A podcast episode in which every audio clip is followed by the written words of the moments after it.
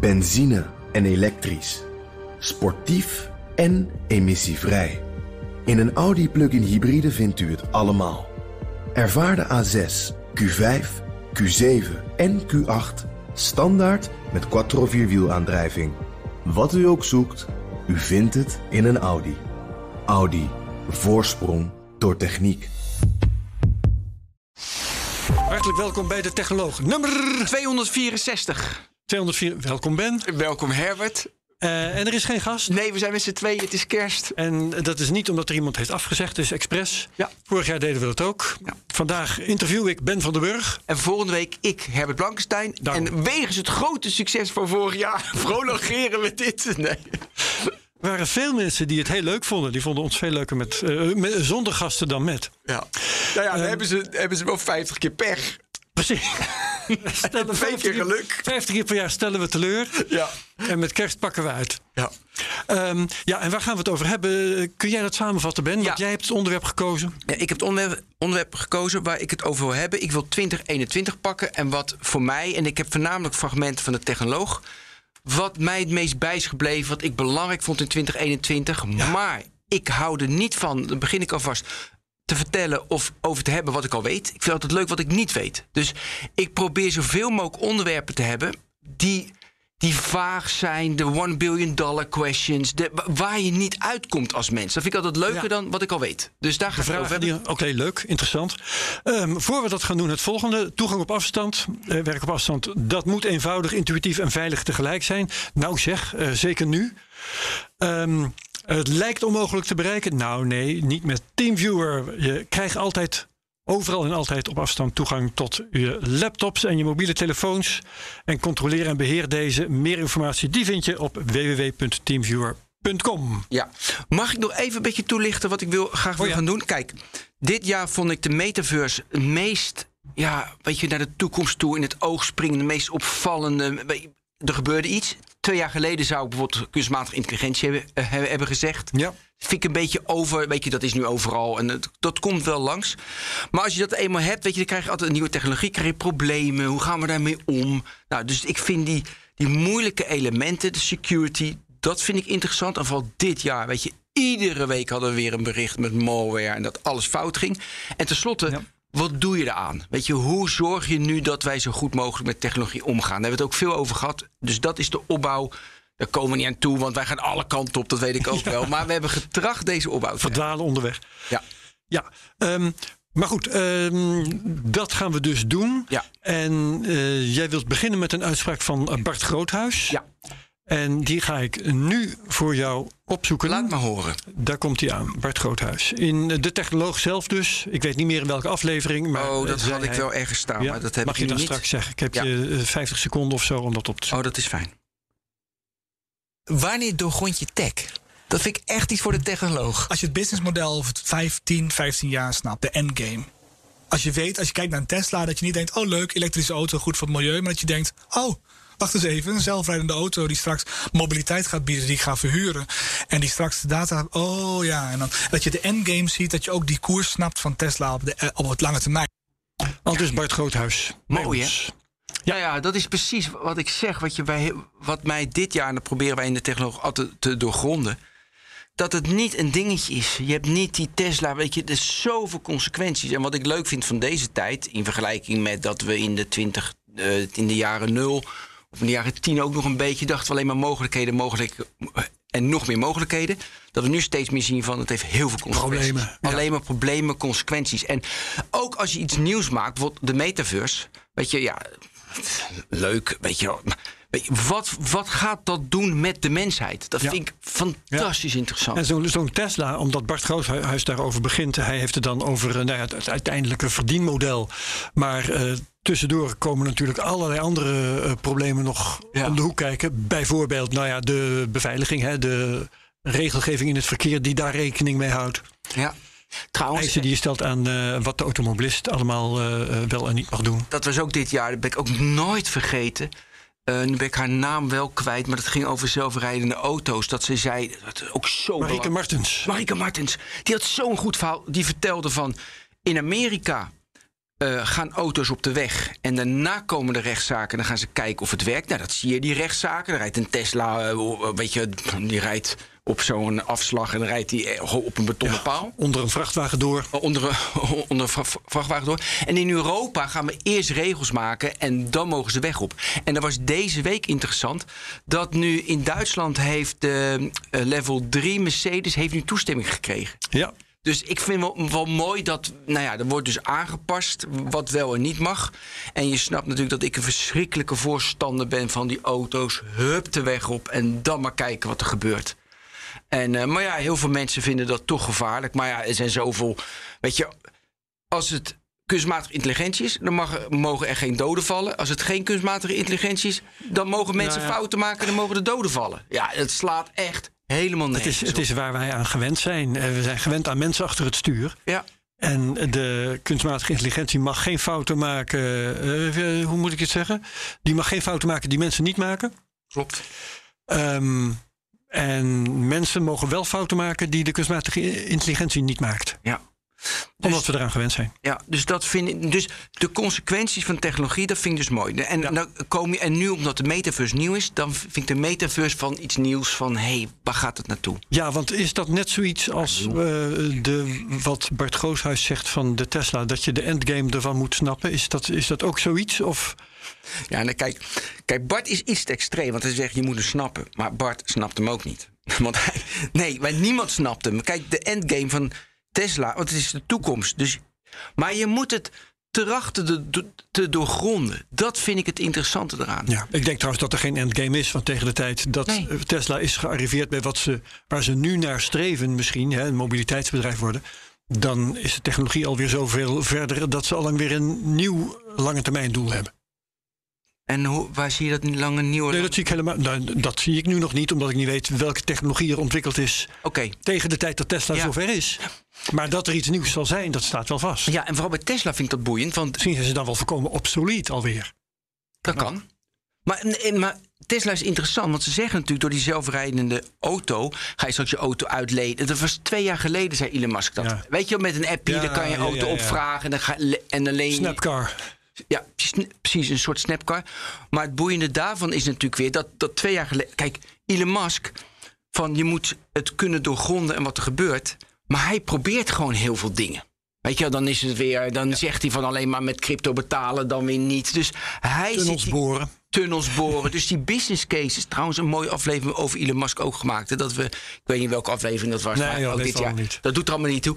Maar het proberen, dat vind ik ook mooi. Dus kijk, je weet de endgame niet, maar te trachten te doorgronden van die endgame, dat lijkt me wel van belang. En dat doen mensen natuurlijk veel te weinig, hè, want ze genieten van die scroll die ze doen of die auto die zelf rijdt. Ja. En ze denken niet verder. Overigens, Hyperloop hè, hebben we het eh, ook over gehad. Ehm, dat is een ander ideetje van Musk.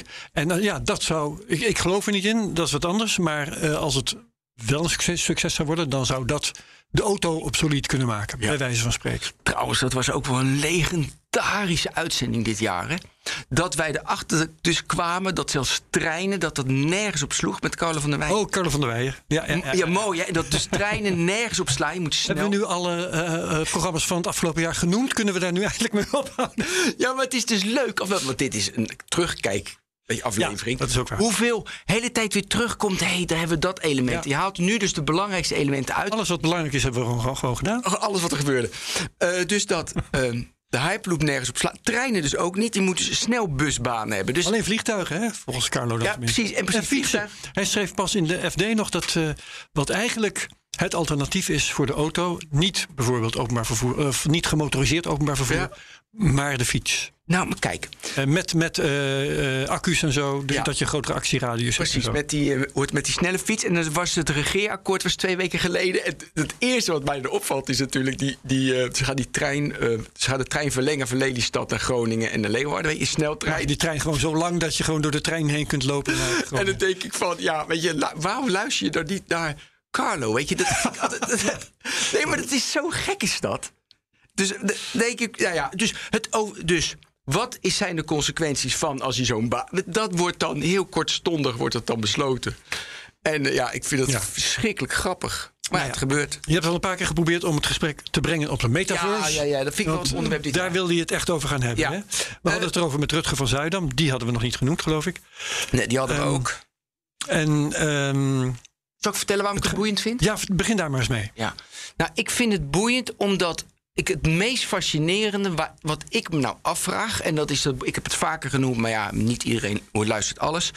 Kijk, ik las in eh 2013 of 14 eh, las ik het boek, het boek Ready Player One. En eh, het boek kennen we inmiddels. Eh, het is 2041. Je, je doet een pak. De wereld is doemd. De wereld in de toekomst is altijd doemd. En je trekt een pak aan. En de wereld is mooier, fijner, aantrekkelijker, beter. En ja, dan de echte wereld. Dus je hebt een wereld naast je echte wereld. En wat mij verschrikkelijk fascineert. is dat je met technologie een, een andere wereld hebt. die fijner, leuker, prettiger is dan je echte wereld. En dan zeg jij natuurlijk, naar mijn idee.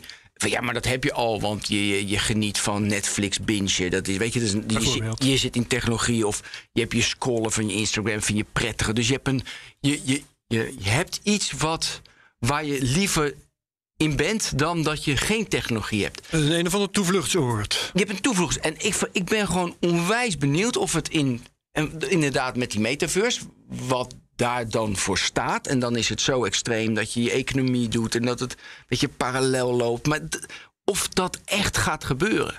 Want ik merk bijvoorbeeld in mijn omgeving is het heel de hoeveel waarde er wordt gehecht aan niet met technologie bezig zijn en rust te hebben en ja, weet je, even te laten is best wel extreem. Ja. En maar terwijl de Ehm, cijfers anders zeggen natuurlijk. Dat is wel grappig. fijn. Want ehm, we hebben het eh, ook over het metaverse bijvoorbeeld in BNR Digitaal. En we hebben het ook over het metaverse in eh, de Cryptocast. Ja. En toevallig had ik eerder vandaag een opname eh, met onder andere Bert Slachter. Mooi. En Balder Bomans, een venture capitalist in, in de crypto. En we hadden het over het metaverse. En we waren het erover eens dat we eigenlijk niet wi- wisten wat dat metaverse was. En we kwamen er eigenlijk zo'n beetje op uit dat het metaverse is datgene waar we eh, pak een beet over een jaar of drie, vijf misschien eh, bij zijn aangeland. Mhm. Qua internet en de gebruiksmogelijkheden. Alleen het punt is, dan betekent het niks meer. Het is eh, wat, we weten nu niet wat we bedoelen met metaverse.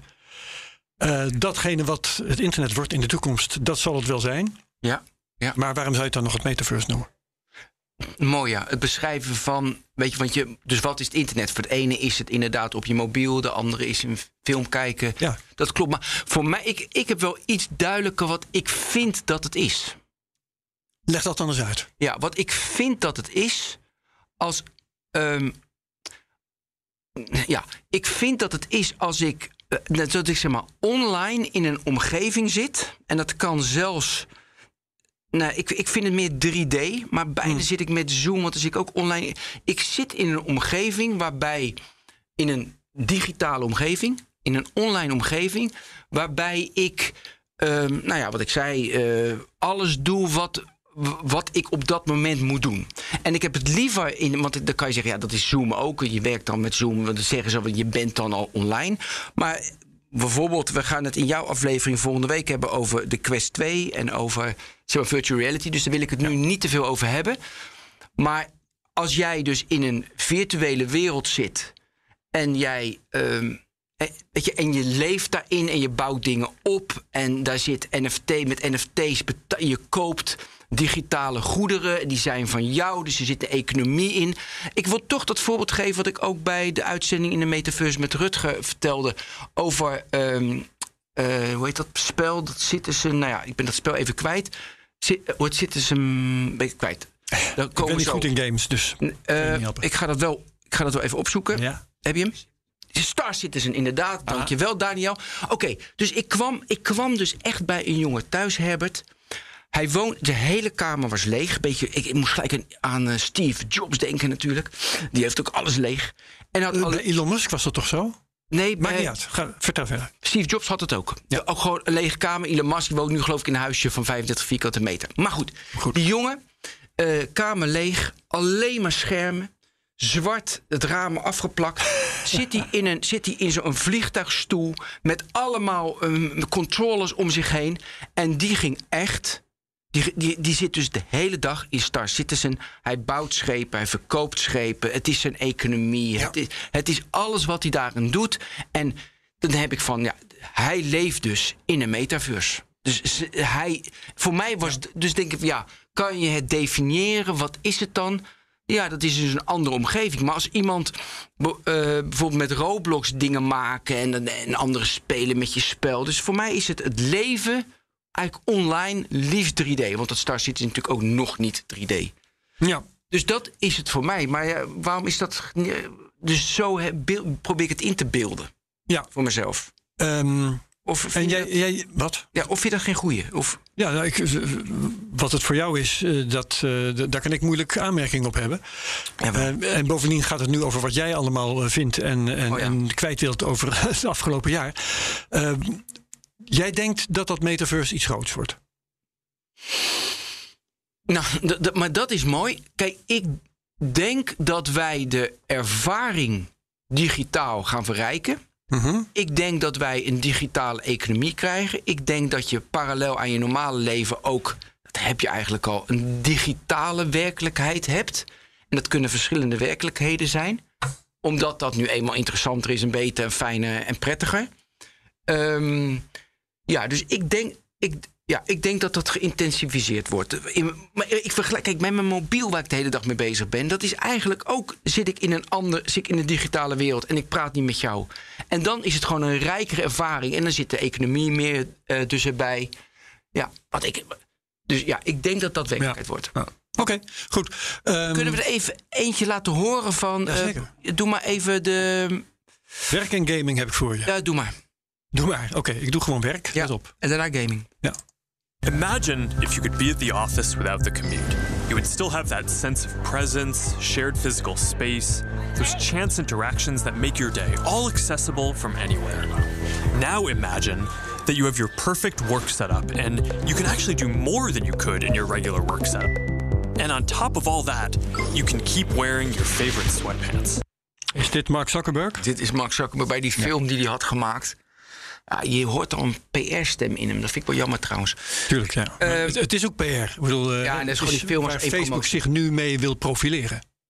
En, de vraag, en wat ik een hele interessante is, krijg je, en dan krijgen we straks met regelgeving en Meta moet ik trouwens zeggen. Maar ga ja, verder. meten, krijg je straks weer, eh, weet je, worden ze dominant? Weet je, of wordt het Epic, of wordt het Roblox, wat nu zeggen, of een hele nieuwe. En Ja. een hele grote eh, discussie die ik heel mooi vind, is de interoperabiliteit. Weet je wel, wat kan je overdragen als ik een, een, een zwaard koop of een, eh, of, of een, weet je, kan ik dat overdragen naar een Want andere? als het over het metaverse gaat, dan zegt de een denk maar aan Second Life. en De andere zegt denk maar aan eh, Roblox. Ja. En de volgende zegt denk maar aan Minecraft. Ja. En zo gaat het maar door. Ehm, maar welke kant gaat het? Gaat een van, van die drie of van de vijf of tien die je zou kunnen noemen, gaat die winnen? Of blijven ze allemaal naast elkaar bestaan? Ik heb echt Of worden ze samengevoegd? Dat je inderdaad van de een in de ander kan stappen. Dat lijkt me ver gezocht eigenlijk. Dat lijkt me heel ver gezocht. Nou ja, met je identiteit. Nou, volgens mij is, krijg je wel verschillende identiteiten. Was, eh, was leuk, hè? Vijf jaar geleden zei Max Zuckerberg: een mens heeft één identiteit. En nu is hij daar natuurlijk helemaal vanaf. Dat slaat natuurlijk helemaal nergens op. Je hebt verschillende identiteiten. Toen kwam dat in zijn kraam te pas. ja, precies, ja. Dus je, weet je, je, je werkt of je, je bent een familielid of je, bent, eh, of je maakt een technoloog. Dus je bent verschillende identiteiten. En ik geloof wel dat je identiteit, als ik mijn game, i- eh, mijn game identiteit heb, dat ik die identiteit, hoop ik dan, dat ik die mee kan nemen naar Roblox. Of ik noem even die nu er zijn. Of naar Epic. Dat ik die mee kan nemen. Maar dat. Kijk, Hoewel sommige mensen zullen zeggen, eh, in de ene game kun je een andere identiteit hebben dan in de andere. Ik, ik hoop dat je dat kan kiezen. De- kijk, ze zeggen het moet. De metaverse-definitie van Matthew Ball, die de fantastische essays heeft geschreven, echt, dat moeten we allemaal lezen. Ehm, dus die zegt dat het interoperabel moet zijn, dus je moet dat mee kunnen nemen. Maar ik denk. Nou, bijvoorbeeld, je hebt in Star Citizen heb je een schip gekocht voor 30.000 dollar. Dan krijg je eerst al van, als stel je voor, dat koop je bij in de Apple Store, want straks heeft Apple natuurlijk ook een metaverse en en dan betaal je 13% commissie. Ja, dag. Dat is al het eerste wat natuurlijk grappig wordt. Maar als ik een schip heb gekocht in Star Citizen voor 30.000 dollar, ja, en ik kan hem alleen maar in Star Citizen gebruiken, ja, dat is toch wel beperkt. Ja, maar er zijn mensen genoeg die ondanks die beperking nu dat soort bedragen uitgeven. Ja, maar omdat nu natuurlijk de crypto-gekte er is. Nee, nee, nee. Dat Nee? tien jaar geleden al in Project Entropia kochten mensen ruimtestations voor een ton. Ja, maar dat komt omdat toen was er niet onbeperkt geld, nu wel. Ja. nee, maar dat vind ik ook mooi. Het geld is uitgevonden intussen. Maar dan ja. moet je. Kijk, hebben, dat vind ik ook met die NFT's zo mooi. Maar Anders moet je eerst even Bert slachten over NFT in de metaverse. Want ik, Bert, moet, je zoveel mogelijk naar luisteren natuurlijk. Dus altijd- Komt aan. Het zou wel eens kunnen zijn dat we in de toekomst veel vaker thuiswerken, remote first. En dat we ook ehm, eh, remote conferenties hebben en remote vergaderingen. En een van de denkrichtingen is dat we straks virtuele kantoren krijgen. eh, waar je 3D doorheen loopt. Ja. Ehm, het zou maar zo kunnen zijn dat je dan straks een architect vraagt om jouw kantoor te ontwerpen. In VR. Ja. Dit kan voor jou zijn, digitaal, NFT. Ja. Nou ja, Ja. Dit is natuurlijk niet zo verrassend. Eh, nee, want dat werd jaren geleden ook al gezegd. Met En Second Life. Het, eh, ja, en het voorbeeld dat ik steeds van stal haal, heb ik eh, eerder vandaag ook gedaan eh, met de mensen van de Cryptocast. Niet in de podcast zelf, maar toen we napraten, aan het aan napraten waren. Macropolis. Zegt dat jou nog wat? maar ja, Dat was een, maar- nagebouwd winkelcentrum eh, Ja. in de 90s. Ja, Dan kon je dus met de digitale 3D. stad toch? Daar, Nou, daar leek het. Nee, want de digitale stad was niet 3D. Oké. Ehm, dat was meer een interface. Maar goed, er was dus een, eh, een 3D-winkel of winkelcentrum. Daar kon je gewoon doorheen lopen. En dan kon je dingen uit de schappen pakken. Hm. Allemaal 3D. Maar dat is een mislukking geworden, want het voegde niks toe. Behalve een moeilijkheidsfactor. ja. Want als je eh, in een 3D-omgeving zit, kun je ook op de verkeerde plek zijn. Ja. Kun je iets niet vinden. Kun je de verkeerde kant op kijken. Weet je wel. En dat maakt het winkelen gewoon veel lastiger. dan als je dat gewoon doet met een zoek-engine. Ja, maar waarom ik Metaverse ook dit jaar interessant vond, is komt ook door de NFT's. Dus weet je, want dat vind ik ook wel dit jaar de grootste hype. Waar natuurlijk, nou ja, naar mijn idee best wel veel gekte in heerst. Vandaag weer de eerste sms zogenaamd. Ja, Verkocht als NFT. hoeveel? Ik vind dat echt humble. Ik vind dat eh, windhandel. Eh, hoeveel? Weet ik eigenlijk Nou niet ja, meer. laat het. eh, Tonnen, miljoenen, Tonnen, miljoenen. ja. Daniel gaat het zo vertellen. Ja. Onze redacteur die zit tegenover ons. Nee, maar goed. En da- dat is natuurlijk ook wel interessant dat er een economie komt. Eh, eh, dus die vind ik ook wel mooi. Wat ik noem, dan moet je me even.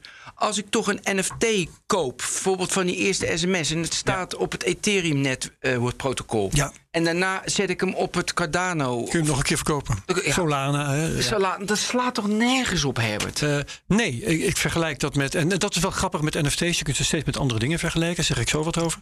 Maar ehm, ik vergelijk het met. eh, je hebt een kadaster dat eh, alle grond uitgeeft. En dan is er een concurrerend kadaster dat geeft alle grond nog eens uit. Ja, precies, exact.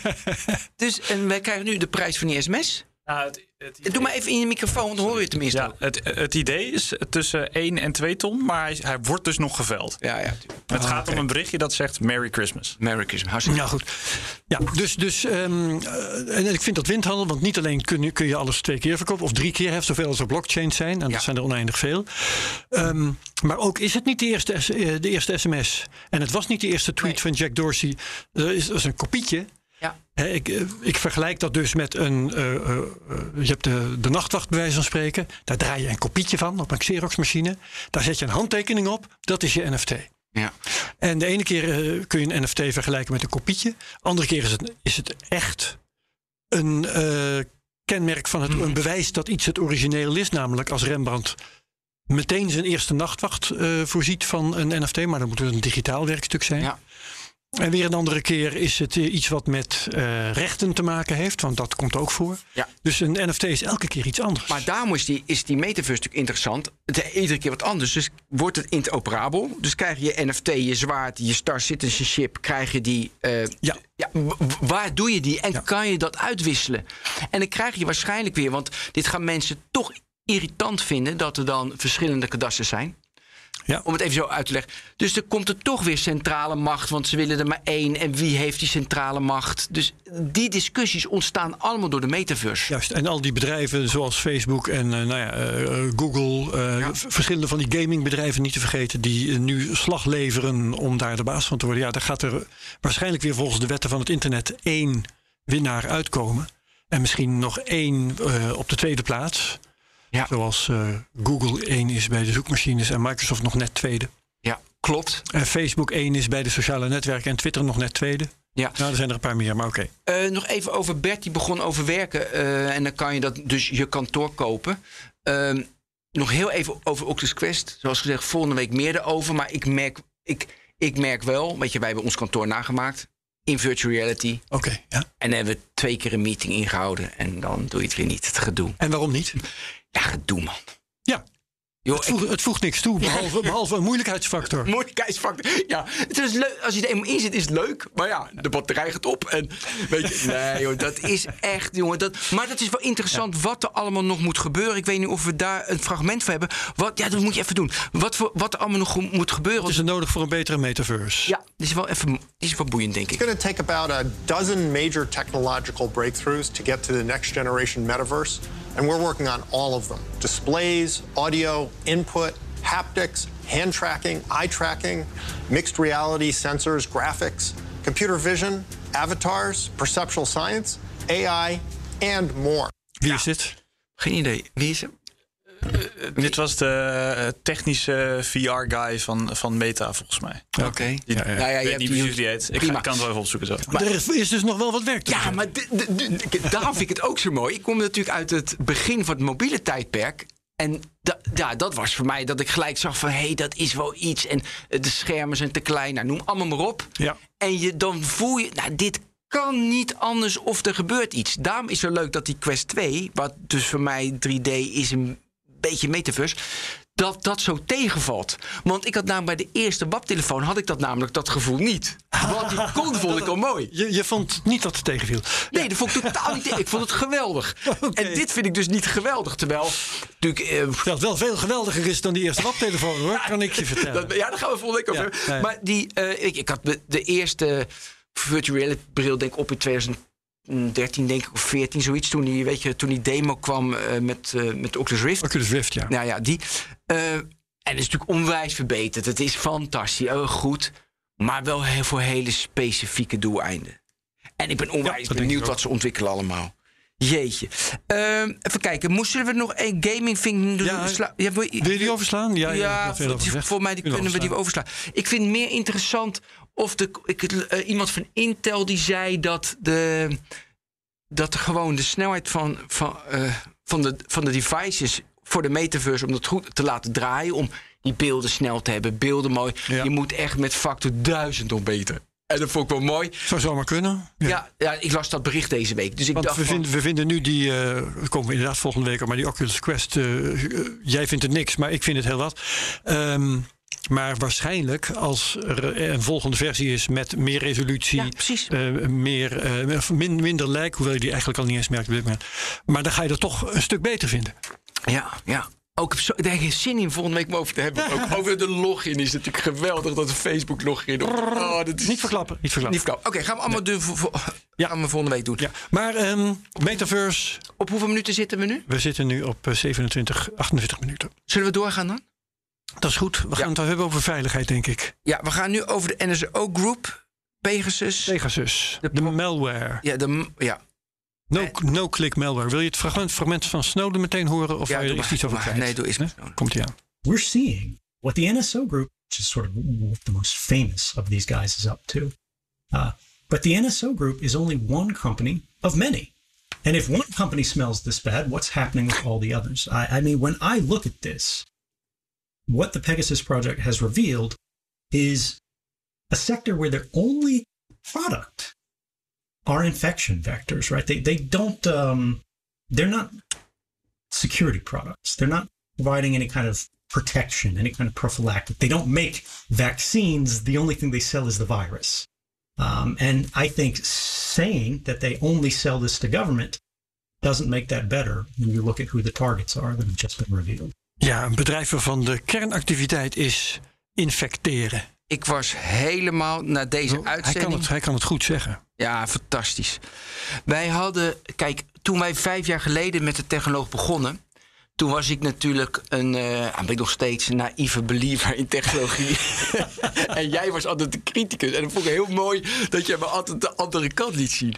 En ehm, toen hadden wij Arjen Kamphuis, vermist nog steeds, weet je, nog steeds. Ja, ja, ja, ja. Oh. Die hadden we in de uitzending, ik denk, de, nou ja, wel vier jaar geleden. Mhm. En die, die opende mijn ogen, want hij zei tegen mij: Nu staat jouw computer open. En als ze willen, kunnen ze dus in jouw computer. En jij dacht, nee. Ik dacht, ja, dat, dat slaat echt helemaal nergens op. Ik dacht, dat kan helemaal niet.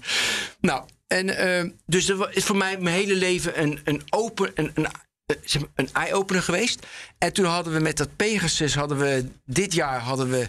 eh het, Ricky Gevers hadden we. Ja, en die zei hetzelfde. En die zei hetzelfde. En die gaf een. Die, dat, wa- ik was ook. Wat hij zei, zo. kut. Dus met de Pegasus is het zo: je krijgt dus een, een, een iMessage binnen die je niet ziet. Dus ik heb jouw nummer. Ehm, ik stuur jou iets wat ik niet weet, wat jij niet weet, want jij ontvangt hem. En dan Je hoeft niks te doen. je hoeft niks te doen. Niks te doen. Je telefoon is dan geïnfecteerd. Ze kunnen je foto's, je e-mail, alles, je hele telefoon overnemen. Ja. En dan heb ik van, wow, overnemen. En hoe dat dus ging. En misschien moeten we eerst even dat fragment, want dan kan ik even kijken. Dus eerst dat fragment hoe het van Ricky Gevers. Even kijken wat hij precies zegt. En dan kan ik, het, kan ik het aanvullen of niet. Dan moeten we eigenlijk de rol nu van Apple even. Dat vind ik wel even aardig. Eh, Er is was een artikel. Weet je dat het bounty-programma van Apple heel slecht is. En had die in Ja. gas had het openbaar gemaakt. Ja. Ja, dat blijft een, een, een lastig dingetje altijd, hè, die bounty-programma's. Ehm, wat je eigenlijk vooral ziet, is dat eh financiële incentive een stuk lager is dan wanneer je het gewoon verkoopt aan een commerciële partij. eh, die er gekke dingen mee doet, eigenlijk. Ehm, en dat blijft er waarschijnlijk voor zorgen dat je die markt in stand houdt. Eh, tegelijkertijd is het ook lastig voor een Apple. Stel dat je hele hoge bedragen daaraan gaat eh, hangen. Van hoe vaak moet je die bedragen dan uit gaan betalen? Ja, de rol van geld eh, in het eh, veilig houden of niet van, van de wereld. Ja, dus hij vertelde dus, er zitten er natuurlijk eh, nou, eh, onregelmatigheden in de software, laat ik het zo uitdrukken. En dan zijn er mensen die dat proberen te ontdekken. Dat proberen ze bij Apple en dat proberen ook externe. Die externe, die vinden dan iets en dan kunnen ze dus kiezen. Apple, ze kunnen, het, ze kunnen het geven aan Apple, krijgen ze een ton. Maar een commercieel bedrijf zoals de NSO, zoals de NSO Group, die betaalt dan een miljoen. Ja. En dan zeggen ze, nou, ik, ik, ik verkoop het aan de NSO Group. En dan gaat die NSO Group, heeft dan dus zo een, i- zeg maar een iMessage Een kunnen sturen. Een ja. achterdeur waardoor ze binnen kunnen komen. Hij vertelde ook dat de Nederlandse regering in 2014 is gewoon openbaar. eh, vijf mensen hadden ze 2,7 miljoen betaald om vijf mensen in Nederland om in de telefoon te komen. Dus je, ze kunnen in iedere telefoon die, die je maar kan verzinnen. Ze komen altijd binnen. Toen vroegen we van, wat kan je er nu tegen doen? Dan moet je je eigen hardware maken, je eigen software maken... want dan is het niet commercieel interessant genoeg om erin te komen. Ja, jongens, dit is, dit, dit is een hele parallele wereld... die je gewoon niet kent. Eh, waar je, ja, Nou ja, maar waar je wel deel van uitmaakt. Als slachtoffer. Kijk, als, want we- de grote namen zoals Macron, eh, eh, ze komen overal in. Hij vertelde ook, vond ik ook mooi, dat, eh, dat de Mexicaanse drugskartel, die, die hadden die software ook, eh, die hadden ze ook te pakken gekregen. Dus die hadden dat gekocht. Want Ja, de NSO, want NSO pretenderen, zeg het zelf maar. Nee, ze pretenderen. Nou, ze pretenderen dat ze alleen maar verkopen aan regeringen. Ja, precies. Ja, ja, ja, ja, ja. Maar ja, behalve dat je dus ook hele vervelende regeringen Ja. hebt. Dat maakt het al lastig. Ehm, is het helemaal niet moeilijk, blijkt, voor criminele organisaties... om aan die software te komen die, waarvan Pegasus zegt... dat ze ze alleen maar aan regeringen verkopen. Dus ja, en toen kwam ik, ingewikkeld. en toen kwam ik ermee. En ik, ik heb nog ik, hij had niet echt een antwoord waar ik blij mee was. Ik ben nog steeds uit. Misschien na een paar maanden weet jij het wel. Ik zei: Je bent Elon Musk of je bent gewoon heel. eh, of, eh, eh, of Jeff Bezos. Je hebt on, onbeperkt budget. Je koopt die software en je gaat bij de concurrentie koekeloeren. Ja, ja, dat, dat kan makkelijk. wie zegt jou dat dat niet gewoon gebeurt? Ja, misschien dus wel. Ja. Hallo? Ja, maar dat is niet goed hoor.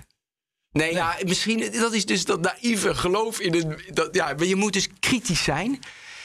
En nou ja, dus dat. Ik, ja, eh, oh ja, en ook dat vond ik ook een mooi verhaal. Dat, eh, we hadden het net over Jeff Bezos. Dat dus die, eh, die, die, eh, die Saoedische prins. Die heeft dus. Dat Mohammed, NBR. Mohammed, weet je dat Bin hij. Salman. NBS, pardon. NBS, ja. Mohammed Bin Salman. Ja, die had dus. Dankjewel, Daniel. Die was dus. Ja, fijn dat je er bent. Ik zei, je Nou, moet gewoon man. meedoen. Onmisbaar die gast. Onmisbaar. Eh, Oké, dus die, eh, dus de telefoon van Jeff Bezos was dus gehackt. Waren die foto's met de- dat hij met zijn vriendin aan het klooien was. En dat was openbaar geworden. Waardoor die scheiding. En dat hem toch 35 miljard kostte. Maar het is alleen maar goed geweest. Want zij. Zijn doet vrouw- aan die Geeft alles weg. Ze geeft alles weg. Dus hij, die. die eh, We- weet je wat ik heb gedaan? Ik heb haar boek gekocht. Dat wil ik even tussendoor. Tuurlijk, maar. Want ehm, om een of andere reden werd, was zij het- waarschijnlijk werd er gewoon een stuk over haar daden geschreven in een van de kranten die ik lees. En toen las ik dat zij eh, een boek had geschreven. Eh, diverse zelfs al. En dat haar debuutroman, die was eh, dan goed gerecenseerd. En toen de auteur van dat artikel, die schreef erbij... eh, dat boek zou nog beter zijn gerecenseerd... als ehm, eh, ze niet de vrouw van Jeff Bezos was geweest. en toen heb ik dat boek gekocht. Leuk. Is het Het moet alleen nog binnenkomen. Oh. De laatste bericht was dat het 21 december, dat is vandaag... ehm, de vroegste dag was dat, het- dat ik het zou kunnen krijgen. Dus misschien als ik straks thuis kom, dan ligt het er. Maar het, maar het is een roman, toch? Want Het is een roman. Ze is een romantje. Ja, en dat gaat, iets, eh, gaat over iets als onge- eh, ehm, onvoorziene, ongewenste effecten van technologie. Het gaat over ehm, stuwdammen Af. en manieren waarop die eh, op een gegeven moment zich tegen hun makers kunnen keren. Dat is wat ik er ongeveer van begrepen heb. Maar als ik het eh, heb en ik heb het gelezen, dan kom ik wel een keer verslag uitbrengen. Ja, leuk.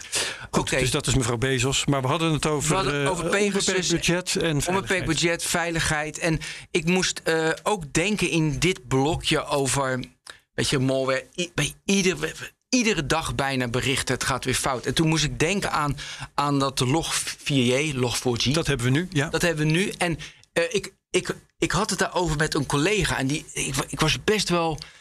Weet je, als jij, hij liet mij een lijst zien op GitHub waar dat allemaal in. Er wordt natuurlijk bijgehouden waar dat allemaal in zit. Het is bijna niet bij te houden waar het, Het in is zit. niet bij te houden. En weet je, dat gewoon, weet je, je hebt een library, die wordt vertrouwd. Weet je, iedereen, maar weet je, software kopieer je, want waarom zou je dat opnieuw schrijven? Ja. Iedereen vertrouwt het, iedereen neemt het over. En dan blijkt er, een, blijkt er ineens een lek in, blijkt ineens Ja, niet veilig te En zijn. dat is de Achilleshiel van open source. Volgens mij hebben we dat ook wel vaker gehad. Ehm, het wordt, tenminste, veel van die programma's worden gemaakt door een paar vrijwilligers. Ja. En eh, die zijn zo goed en zo nuttig dat ze over de hele wereld gebruikt worden. Ja. En eh, de bedrijven die dat gebruiken, hè, de Googles en de Microsofts en noem ze allemaal maar op, die eh, denken van nou oké, dat, dat, dat ligt daar en het is gratis en je kunt het gewoon gebruiken. Er zijn een paar eenvoudige voorwaarden, daar voldoe je aan of niet, want daar kom je ook mee weg. Ja. En nemen dan niet de moeite om de makers vorstelijk te belonen. Zodat die misschien met wat meer mensen dat eh, ook goed kunnen onderhouden. Dus dat kunnen ze niet. En ze kunnen er ook van de ene dag op de andere mee ophouden. Als, eh, nou ja, ze Ja, geen zin maar- meer hebben. Of mm, Ja, maar een dat- scheiding raken. Of Maar dat ook. log4j is natuurlijk een library dat al jaren bestaat. Weet je, wordt constant gebruikt. Ze hebben niet door dat dat lek is. Dat, dat daar... Nee. En dat vind ik dus interessant. En, en iedereen neemt dat me over. En dat iedereen dat ook. Er zit geen regelgeving, security. Dat je Maar denkt, mijn punt is, als die, al die bedrijven die dat gebruiken in hun producten waar ze geld mee verdienen, als die nou hadden besloten om dit goed eh, met een beetje fatsoenlijke betaling te laten onderhouden, dan was het misschien veel eerder aan het licht gekomen dat het lek was. dat. Nou ja, bijna moet je. Ja, maar. Oké. Ja, maar kijk. En dat, dat vind ik dus een zwakte in de manier waarop open source wordt gebruikt op dit moment. Eigenlijk zou er misschien in de voorwaarden van open source eh, worden, zou moeten worden opgenomen. Dat als Ja. commerciële bedrijven het gaan gebruiken, dat ze ook gewoon naar vanand moeten betalen. Ja, maar kijk, hebben dan, dan is het zo. Log4j, library staat al jaren. Oké, dan zeggen we van. Nu gaat Akamai, even eentje die oppopt bij mij. Ik kan zo die link, eh hoe het kan ik kijken. Eh, Akamai denkt, ik pak Log4j, die library, die gebruik ik. Omdat Akamai het, het dan gebruikt, zou eigenlijk. Dan zou je security mensen op moeten zetten. En die zeggen van, oké, nee, deze. eh, het is goed. Toch? Ja, ja. En, eh, en dan moet je eigenlijk een stempel hebben, een, weet je, een stempel, een button van hey, deze is zo doorgetest, is zo gecontroleerd, die is goed. Nou, dat kun je nooit zeggen. Nou, precies. Uiteindelijk, dat zie je, eh, we hadden net over Pegasus, weet je, uiteindelijk weet je, kan je dat nooit zeggen. Nee. Dus je kan wel zeggen, eh, dit is secure. eh, ja, er moet dus inderdaad. Ja, maar het zijn zoveel libraries, dat is ook weer niet te controleren. Nee, maar weet je, wat interessant is aan dit verhaal. Dit is onwijs lastig, omdat je met open libraries werkt. Weet je, in de software. Dat er niet een. Het is niet zo van. Er zit een, een, eh, een keurmerk op. eigenlijk zou je ook keurmerken moeten hebben van deze library. Dat zit wel goed, zoals je met voedsel hebt. Weet je, dan heb je ook wel gewoon een keurmerk. Ja, maar dat keurmerk kan niet absoluut zijn. Het kan niet, het kan niet zeggen, dit is zeker veilig. Maar je kunt dit ook van de andere kant aanvliegen. Hè? Dat is wel interessant. Daar, is het, eh, daar heeft Kees Verhoeven eh, vaak dingen over gezegd. Ook bij ons, volgens mij. Ehm, het feit dat er nog altijd eh, eh, commerciële bedrijven zijn die eh, dit kunnen, die hier eh, de, meeste, de hoogste bieder kunnen zijn, eh, dat komt doordat ze onder andere doordat ze dat dan weer aan regeringen verkopen. En regeringen kopen dus zero days. Ja. Overheidsorganisaties, zoals de CIA ja, en zoals ook de, de AIVD eh, enzovoort. Ehm, in plaats van dat eh, voorgeschreven is dat zero days altijd naar de beveiliging. Of, eh, nee, laat ik het zo zeggen. als, je een, al- als een overheid een zero day heeft, dan moeten ze eigenlijk gewoon de maker op de hoogte stellen, zodat die beveiligd kan worden. Met andere woorden, dat een overheid. Dat zou een regel kunnen zijn. Die, hè, daar kun je eh, Ja. als, als eh, demo- democratie toe besluiten. Een overheid zou moeten gaan staan aan de kant van het beveiligen. En niet aan het, de kant van het openhouden van het lek. Ja. En nu staan overheden vaak eh, aan de kant van het openhouden van het lek. Ja. Omdat ze vinden, ja, we moeten kunnen opsporen, we moeten kunnen dit. Maar ze vergeten dat ze daarmee de wereld onveiliger maken in plaats van veiliger. Ja. Oké, dus ik weet je dat dus je hebt iets moois technologie. We deden even de metaverse, dan krijg je problemen en dan hebben we de malware en we hebben nu de, Ja. eh, de en er zit ook hoe mensen ermee om, eh, eh, gewoon zeg maar omgaan. Wat ik die heb ik niet in het fragment, maar waar ik de laatste tijd, weet je, daar word ik ook helemaal. We hadden, daar was jij niet bij, hadden we digitale verslaving, hè? Hadden wij hier een Ja, uitzending. Mark over. Beekhuis zat toen hier. Ja, Mark zat hier. ja. En eh, dat heeft me best wel veel gedaan. En in de zin van, weet je, ik, kijk, verslaving is voor mij als iemand eh, een probleem heeft. En, eh, en eigenlijk is het. Een, als je te veel op je mobiel zit of te veel met digitaal bezig bent, dat, is, dat kan een probleem zijn, want dan doe je geen andere dingen meer. Maar dan is eigenlijk een te veel, zeg maar, misbruik maken. Dus je gebruikt het te veel. Het is geen verslaving, je gebruikt het te veel. En dat kan schadelijk voor je zijn of dat is niet prettig. Eh, maar je ziet dus wel dat er nu een hele stroom is van dat we heel negen. Nou, dat merk ik dan voor op die grachtengordel afgelopen weekend weer in een Volkskrant. Zelfs een psychiater erbij. Die dan, weet je, dan halen ze een WRR-rapport over kunstmatige intelligentie erbij. Maar weer hoe, hoe schadelijk digitaal gebruik is. Terwijl, te- ja, ik vind, je moet er zo goed mogelijk mee omgaan. En er moet een goede regelgeving zijn, daar komen we zo op. Dus het, je moet ook oppassen dat je niet de schoonheid of het allemaal. al- Dat, dat je dat niet teniet doet. Dus Ja. er zijn gevaren, maar daar moet je zo goed mogelijk mee omgaan. En daar moeten we regelgeving voor hebben. En dan moet je leren. Dat soort elementen. Dus het valt me ook op dat dit jaar was ook wel van eh, veel doem erin. Malware, Ja. maar ook het gebruik. Ja, nou ja, weet je. ehm, Filterbubbels ook, weet je, enzovoort. Ja.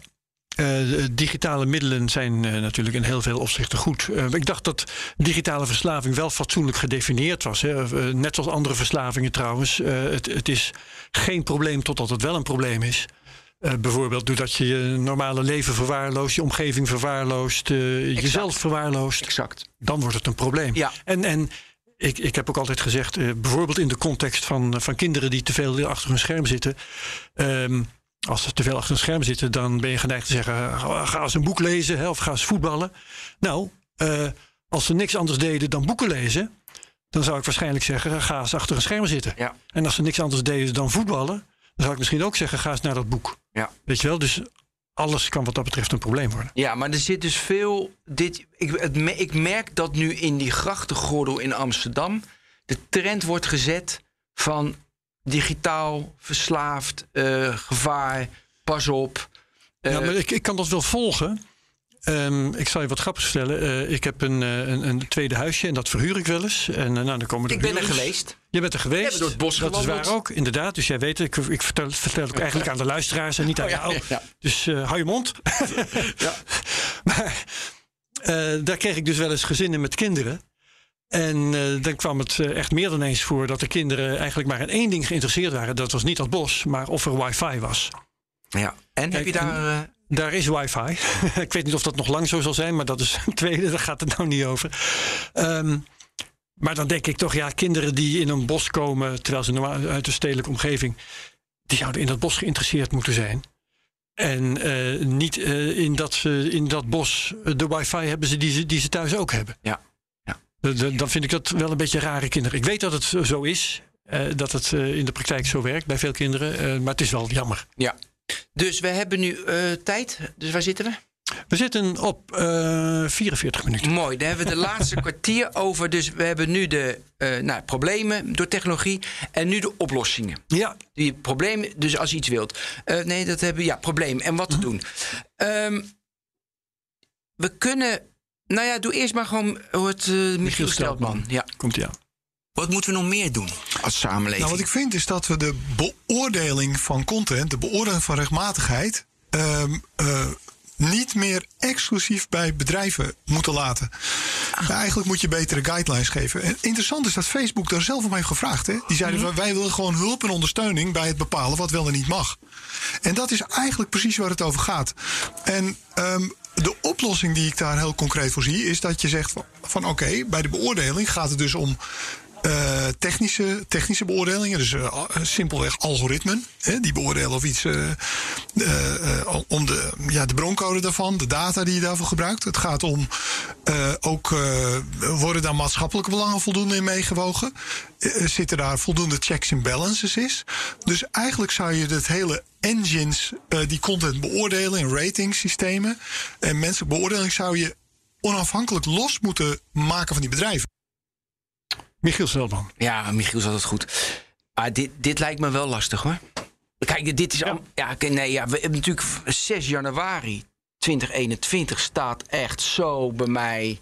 Dat vond ik een. een eh, dat was de aanval op het kapitool. Ja, ja, ja. ja. Dat staat zo bij mij hoog. En ze zeggen dat komt onder andere door social media. En ik had natuurlijk ook Parler op mijn telefoon. En ik wilde ook kijken wat het is. En ik heb natuurlijk ook met een schone browser alles schoon te kijken hoe snel je in een rabbit hole komt. En hoe mensen. En ik heb natuurlijk ook wappies om me heen. Dat ik denk van hoe kan jij nou een wappie worden? Weet je, dus het, ja, ik vind het super boeiend. Hoe, oh ja, wij hebben natuurlijk heftige discussies gehad. Weet je, weet je kapot- het begin van dit jaar is een beetje weg. Ehm, begin van 2021 was constant van. Dan, dan werd bijvoorbeeld, eh, dan noemen ze een naam, die werd dan van Twitter gegooid. En dan zei ze. Trump. Trump. En dan was het gelijk van eh, censuur, censuur gingen mensen roepen. En wij, Wat een bullshit. wat een bullshit. Weet je, dus wij hadden van, dat is natuurlijk bullshit. Want dat mogen ze zelf weten, het is een privaat bedrijf. Maar er gebeurde wel wat. En nu nog steeds is die hele regelgeving... wanneer wel, wanneer niet, moet hem eraf Nou ja, gooien. wat, wat Michiel Steltman waarschijnlijk in, in zijn gedachten heeft ook, dat was de, het uploadfilter. Dat eh, bedrijven eh, tegenwoordig van tevoren moeten controleren of iets rechtmatig is eh, wat er op hun territorium wordt neergezet. Maar dat doen ze toch niet? Nou, als het Ja, om auteurs, auteursrechten Wel met muziek, want dat is makkelijk. Ja, precies. En, en films. eh, nou ja, noem het maar makkelijk. Het is, eh, dat is trouwens een onbedoeld Ja, maar dat doen ze wel natuurlijk. Het is zo moeilijk dat alleen grote bedrijven dat nog maar kunnen. Ja. Dus dat is een van de bezwaren van, ik dacht onder andere ook Kees Verhoeven hiertegen, dat als je dit zo eh, afdwingt, dat dan eh start-ups die ongeveer hetzelfde willen of die iets dergelijks willen, dat de, zeg maar dat de nieuwe YouTube niet meer kan ontstaan. Ja. Omdat je de grote Omdat YouTube moet zijn om Ja. überhaupt legaal in deze business te kunnen Ja. opereren. Nou, en dus in die hele trend. Dus Parler is nu weer live. En ik, ik nu weer, dat vind ik wel leuk. Want ze moesten er af, want ze zeiden: we gaan nooit, we, we gaan nooit controleren. We, we- alles mag erop. Nou, dat houden ze natuurlijk niet vol, want Nee. dan krijg je allemaal, krijg je allemaal excessen. Eh, nu modereren ze wel natuurlijk. En wat ook een interessante is, is dat nu natuurlijk alles op Telegram en op Signal zit. En nou ja, dan, dan, dat is natuurlijk moeilijk te controleren. Wat je nu We- wegens encryptie bedoel je? ja, wegens, wegens encryptie. En dan is het bijvoorbeeld in, eh, in Iran is Signal weer verboden. Want, eh, want je kan natuurlijk alles, eh, alles erop zetten. En, en dat vond ik wel mooi. Ik weet niet wie dat was, maar we hebben, dat was ook dit jaar, weet ik zeker. Dat iemand zei van nee, Signal moet gewoon bestaan. Je moet zeg maar criminelen maar of eh, crimineel gedrag... moet je maar op een andere manier opsporen. Dus je moet gewoon Ja. op moet je alles mogen zeggen, want het is van person to person. En je moet het maar op een andere manier opsporen. Dat is toch een interessante gedachte. Ja, daar, daar is wat voor te zeggen. Ehm, want ehm, als je er anders over denkt, dan zijn ook allerlei achterdeurtjes weer eh, eh, denkbaar. Wat je niet wil, omdat eh, die achterdeurtjes ook weer mogelijk maken... Nou ja, dat er in banktransacties wordt ingegrepen... of dat allerlei, eh, de privacy op allerlei manieren in het geding komt. Ja. Ehm, en je hebt ofwel eh, fatsoenlijke be- beveiliging, gaat dit eigenlijk ook over. Hè? Beveiliging van, van eh, allerlei informatie. Dus als je toestaat dat bijvoorbeeld Signal zo'n achterdeurtje heeft, dan zet je de bijl aan de wortel van alles wat je eigenlijk veilig wilt houden. Ja. En dat, eh, als, aangezien we dat niet willen, moet je eh, tegen de opsporingsdiensten zeggen: ja, gebruik Signal maar niet. Ja. En gebruik eh, die achterdeurtjes maar niet en ga maar gewoon weer in de struiken liggen. Ja. En dat- Overigens, ehm, wat, wat je. Want, want, hier gaat het om de inhoud, hè, de inhoud van communicatie. En een van de dingen die Arjen Kamphuis, Arjen Kamphuis mij nog heeft ingepeperd voordat hij verdween. Dat is dat er veel meer interessante informatie zit in metadata. Waar je dus helemaal de inhoud niet voor hoeft te kennen. De, eh, de informatie is dan van de aard wie praat met wie. Ja. En hoe lang en hoe vaak en, eh, nou, enzovoort. Ehm, daar, daar kunnen opsporingsdiensten al een heel eind mee komen. En wat er in de inhoud zit, dat leidt ze eigenlijk vaak alleen maar af. Omdat, Dat heb je niet eens nodig. Ja, omdat die criminelen lees je dan dat ze andere woorden gebruiken. is wel interessant trouwens. Eh, Maar ik kan, me, maar kunnen, ja, ik kan me voorstellen wie met wie met wie. Ik wel mooi dat Ja. we Arjen Kamphuis dus nog steeds dat we over is. praten. En nog over vijf jaar, over tien jaar hoop ik nog steeds. Dat, dat is Zeg dat mooi. Ja, ja, ja. Nou, dus dat, was, eh, dus dat was de eerste van wie, wie modereert en wat mogen ze beslissen. Vind ik een fascinerend onderwerp. En toen kreeg je natuurlijk de whistleblower Hogan. Dus die dame. En ik heb toevallig gisteren, eh, ze was bij. eh, hoe heet zij? Nou, dus naam, slecht in namen. Eh, na een uur naar haar. Nederlandse televisie of zo? Of, Nee, eh, dat was bij, Amerika? eh, bij Swole, bij, hoe heet ze, die, eh, die, eh, die, nee, die, New, die New York Times, eh, Karen Swisher. Oh, van Recode. Van Recode, die zit nu bij de New York Times. Nou, een interview met haar. En eh, ja, ik vind het toch knap. Want dat is, daar zit meer gedachte achter dan. eh, weet je, zij was al bij de top 25 debaters. Want weet je, het is toch lef, hè, dat je gewoon het opneemt, hè? Ja, Top 25 debaters van de USA toen ze jong was. Eh, weet je, de begeleiding, hoe zij dus welke eh, eh, materiaal en artikelen naar buiten bracht. Even dus voor de mensen die dat vergeten zijn. Zij bracht naar buiten dat er een intern onderzoek was bij Instagram. Dat, eh, het dat meisjes, eh, dat het beeld van jezelf niet zo positief is als je op Instagram zit. En dat het schadelijk is voor jonge dames om op Instagram te zitten. Dat is een intern onderzoek. Instagram hebben ze niets mee gedaan. En nou, dat is best wel heftig. Dat- En alleen maar op winst, op winst, op winst, op winst. Zeker. En eh, nou ja, dus ik. Dat was ook weer eentje. En je ziet dus dat in Amerika nu, weet je, dan komen we in een congres en ze was bij het Europees Parlement en dat moet weer verteld worden. En dan zeg je van, wanneer komen nu die wetten door? Wa- Wanneer gaan ze nu echt iets ondernemen? Ja, eh, Dat ik, duurt weet, lang, ik weet eigenlijk jongen. niet of dat proces begonnen is, maar in elk geval in Europa duurt dat ongelooflijk lang. Ja. Nou ja, we hebben natuurlijk Ja, de een- jaren, we hebben de DMA, de Digital Marketing Act en Digital Service Act. Ja. Dit valt meer onder, di onder, di onder Digital Service Act. Dus dat zijn allemaal media, ja. om zoveel mogelijk het sociale media en eh, nou ja, eh, nou ja, om dat in bedwang te houden en eh, andere bedrijven de kans te geven, omdat de big tech veel te groot is. Dus ja, die, ja, het het- zullen we even anders even luisteren naar Bart Groothuis die had Ja, over, over DMA. die DMA. De DMA, laat ik als voorbeeld nemen. De identificatie met Facebook. Hoe zeg je nou eigenlijk, hallo Facebook, ik ben Facebook? Dat kun je zeggen, dat doe je via Facebook. Maar je kunt ook zeggen, dat doen we met één idee voor heel Europa. Een soort DigiD. Die je ook gebruikt om jezelf te identificeren voor social media. Dat is een game changer, zeg maar, voor je digitale autonomie. Staat dat in dan de zeg je van, dit is inderdaad een persoon. Dit is inderdaad, nou hier wordt aan gewerkt. door Ja, de precies. Daar Commissie. staat er nog niet komen- letterlijk in dit hoor. het komt eraan.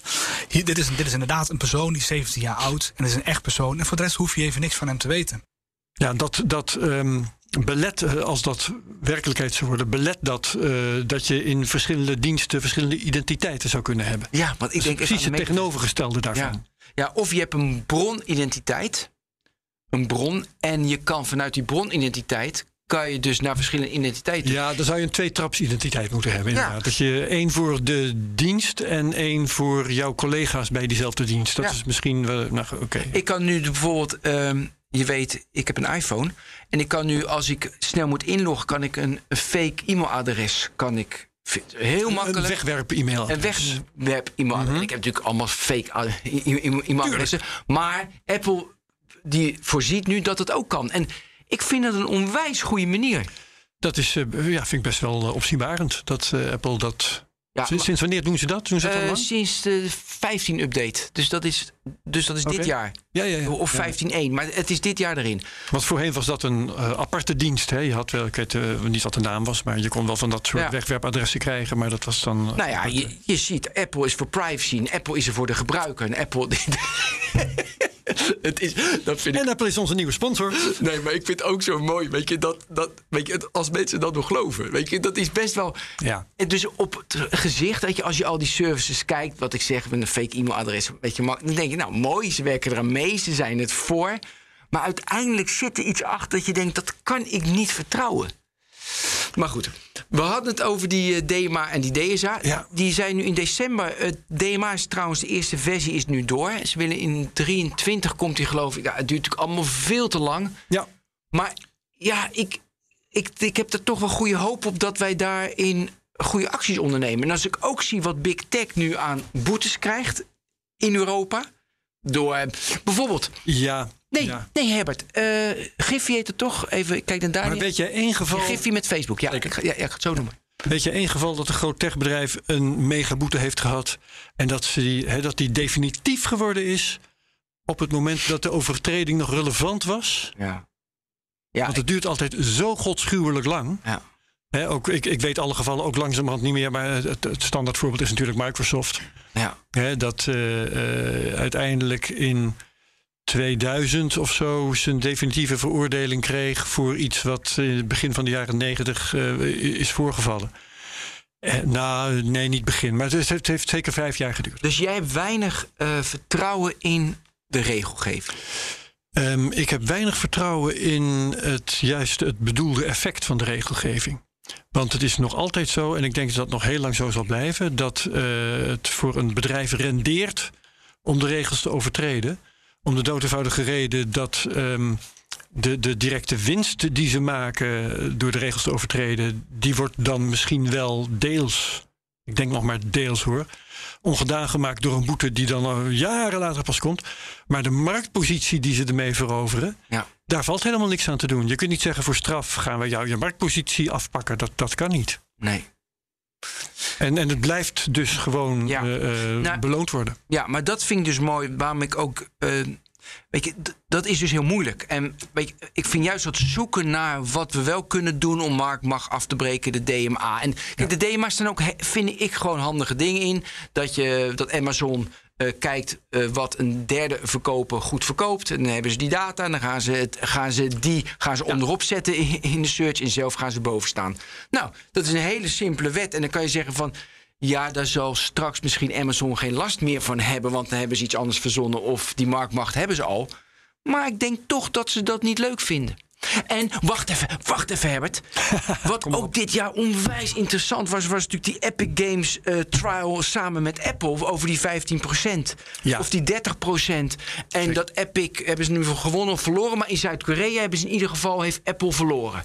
En in Zuid-Korea zijn nu, eh, is nu de App Store, is dat veranderd? Is er nu ook 15%? Ja, volgens mij heeft Epic wel eh, zijn zin gekregen. Ja, nou, Ja. ik- dat vind ik toch boeiende. En een ander, omdat er zoveel druk op staat. en We, het was Giffy, Facebook wilde Giffy kopen.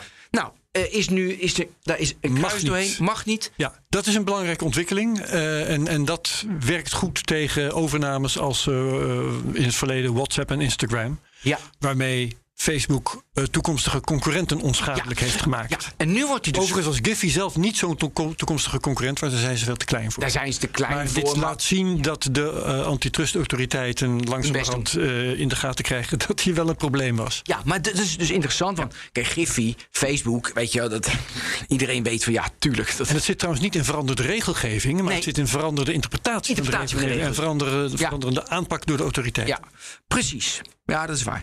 Maar het is dus leuk om te kijken. Dus ik vind Giffy top voorbeeld. Hebben we nu in de toekomst, bijvoorbeeld als je naar de metaverse weer even rondmaken. Metaverse zie je nu ontwikkelingen waar je denkt van oei. er komt toch weer een machtige partij die die metaverse gaat claimen. Terwijl metaverse decent- ook decentraal is. Eh, weet je, het, het, het is interoperabel. Dus we hoeven niet Ja, bang dat te hoop zijn. je dat het wordt. Hè? Nee, precies, Blijf nog even sceptisch als Nee, het niet erg vindt. Zeker, maar dat zeggen ze dus. Terwijl wij weten, uiteindelijk komt er gewoon weer één grote machtpartij. Maar wat zien wij nu al? En dat, dat is interessant om over na te denken. Want je ziet hoeveel Facebook, maar ook Epic ervoor over hebben om die machtspositie te krijgen in die metaverse. En wat dan weer de regelgevers doen. Oké, om er verder mee om te gaan is natuurlijk niet alleen regelgeving. Ik vind ook dat digitale bewustzijn, ik, dat moet ook veel meer gestimuleerd worden. Wat schort daaraan? Dat, nou, het, Ik ben het met je eens hoor, maar wat vind jij dat eraan schort? nou ja, mensen zijn. Ik snap, ik snap niet dat je het niet interessant vindt. Dus ik snap, ik snap niet dat jij technologie alleen maar gebruikt om, om die dopamine te krijgen. Voor, Het is toch leuk als jij. een- ik moet onwijs lachen als ik een spammail krijg of, eh, of een phishingmail. Vind ik het grappig om te zien. Wat hebben ze nou gedaan? Weet je, hoe proberen ze mij te overtuigen? Als ik in een filterbubbel zit, lijkt mij het is een veel interessantere vraag van wat doen ze? Hoe werkt het algoritme? Waarom eh, krijg ik nu dit voorgeschoteld?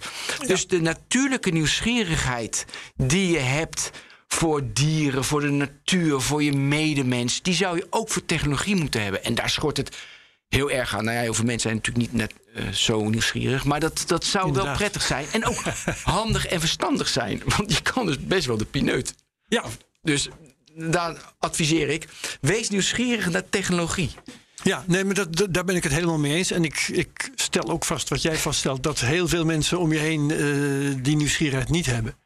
Weet je? Ik, ik discussieer veel met mensen over, eh, nou bijvoorbeeld, eh, of, je- of, je, of je wel apps moet installeren en welke apps dan. Eh, trouwens, die- zo'n discussie zou ik met jou ook nog kunnen hebben. Ik zie je meteen al verbaasd kijken. Ja. Nou ja, apps zijn, zijn, zijn eh, datastofzuigers. Dat hangt er vanaf welke app ze wordt. eh, Apple is zo goed. Apple is zo goed. Ze geven precies aan bij iedere app. ik weet het. Nou, dat is wel leuk. Nee, maar ja, dat is zeker leuk. Ik, eh, bijvoorbeeld, hè, ik ging laatst met een stel eh, collega's uit eten. En de meeste daarvan zijn veel jonger. En na afloop ging het erover hoe, hoe verdelen we de rekening. En dat ging dan via tikkies. Ja, van nou, tikkie, dat heb ik niet hoor. Dus ik zag ze denken, die oude lul, die weet niet wat tikkie is. Terwijl ik vervolgens aan de slag kom met hun uitleggen waarom ik zo weinig mogelijk apps installeer. En dan zag je ze glazig kijken van, oh, daar denken we eigenlijk helemaal niet over na. Ja. Dus eh, ja, dat zijn interessante Ja, confrontaties. Maar ik wil dan wel nog genoemd hebben dat je op moet passen. Want dat hebben die, die Bits for Freedom mensen. De, de, weet je, de- dus aan die kant, ja. die zijn helemaal anti. En ik vind je moet wel alles... Ik, ik zit op Facebook alleen maar om te kijken wat doen ze, hoe werkt het. eh, alles met, dan niet meer echt, ik heb ook een fake account. Maar weet je, dus ik probeer... ik- ja, Mag toch niet? nee, maar dus... Vindt Mark ik- niet goed. Nee, dat vind ik Mark heel stom. Maar ik vind je moet niet dan zeggen van... Nee, dat, je moet er helemaal af. Want ik, ja, dan weet je ook niet wat er speelt. Dus Ja, je moet nee, wel zeker. blijven onderzoeken. Ja. Dat, dat ben ik met je eens. En ik doe dat ook. Alleen eh, als het gaat om apps, dan eh, bedoel ik even apps als gebruik. Als er een nieuwe dienst is, dan kan ik die ook wel eh, proberen. Daar gaat het verder niet om. Maar als stelregel zo weinig mogelijk apps installeren. En, en trouwens ook als je wel van plan bent een app te installeren. Wat ik dan doe is. vaak heb je, noem eens wat, het stemmen van je gitaar. Ja, doe één er keer eraf. 100.000 nou, dat kan ook, maar er zijn in ieder geval honderdduizend apps die dat kunnen. En dan ga ik er toch wel even een paar vergelijken. Dan, om te beginnen kijk ik of ik er één kan vinden die open source is. Vervolgens ga ik kijken eh, of eh, de exemplaren die ik dan nog vind, ehm, hoe, wat voor data die willen hebben. En als er dan een is die mijn adressenlijst wil hebben, of eentje die met in-app purchases, of eentje met advertenties, of eentje die mijn locatie wil weten, hup, doe ik niet. Locatie Weet je gitaar. Dus dat nee, daarom. Dus, en, dus wat, wat wil zo'n app Ja. vergeleken met wat jij ermee wilt? Klopt. En dat soort dingen, daar kijk ik wel hardnekkig. Daar ma- maak ik eigenlijk geen uitzondering op. Ja, en ik heb ook de policy één erop, één eraf. Om alle troep. eh, Oh ja. Ik moet er Nee. gewoon, als ik eentje oplaad, dan moet ik een andere eraf halen die ik nooit gebruik. Maar dat komt omdat jij er duizend hebt. En ik heb er eh, waar. enkele tientallen. En gewoon, ik, ik gebruik alleen de apps die ik nodig heb. Ja. Nodig heb. En in de zin van dat ik eh, wekenlang heb geprobeerd ze niet te installeren. En dat ik het uiteindelijk niet volhoud. Mag ik nog wel even, want ik je weet, Ja. het- ik wil nog even over. Ik heb een, eh, ik heb een Pixelphone. Nu ook. Een pixel van Google. Van Google, die 6. Oké, ja. ja. Jeetje man, dat is goed. dat is echt Onze volgende sponsor. ja, nee, maar dat is. Ik, ik was echt. Ik had lang. Ik had ook die Samsung S7 of 8 had ik getest. En ik eh, weet je testen. Maar ik was echt gewoon qua camera, qua beeld. Maar vooral ook gewoon die assistant. Weet je, ik probeer het, die Siri, die werkt voor geen meter. Ja, ja, ja. Maar het, ik vond het echt. Ik vind. Maar dat is natuurlijk. Ik, moet nu, ik, heb, ik heb nog geen duo SIM. Ik, ik, ik heb nu besteld. Dus ik krijg, ik krijg een duo SIM zodat ik ook kan WhatsAppen en mijn bankzaken allemaal doen. Dus ik heb nu nog. Nu is het nog een beetje nog een gedoe. Maar qua hardware, maar ook software. dit- Ik vond het.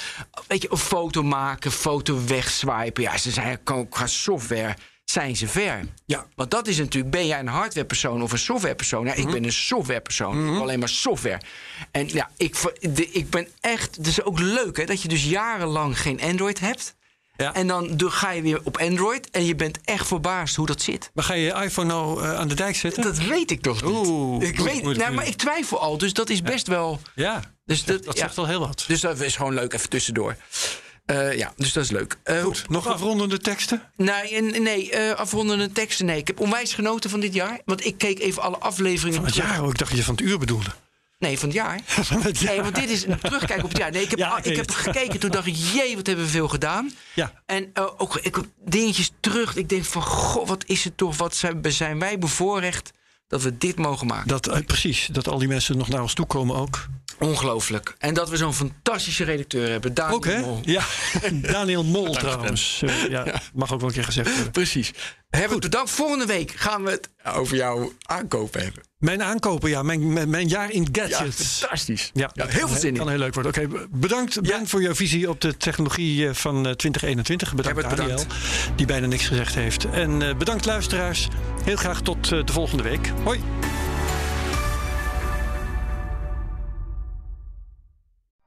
Benzine en elektrisch.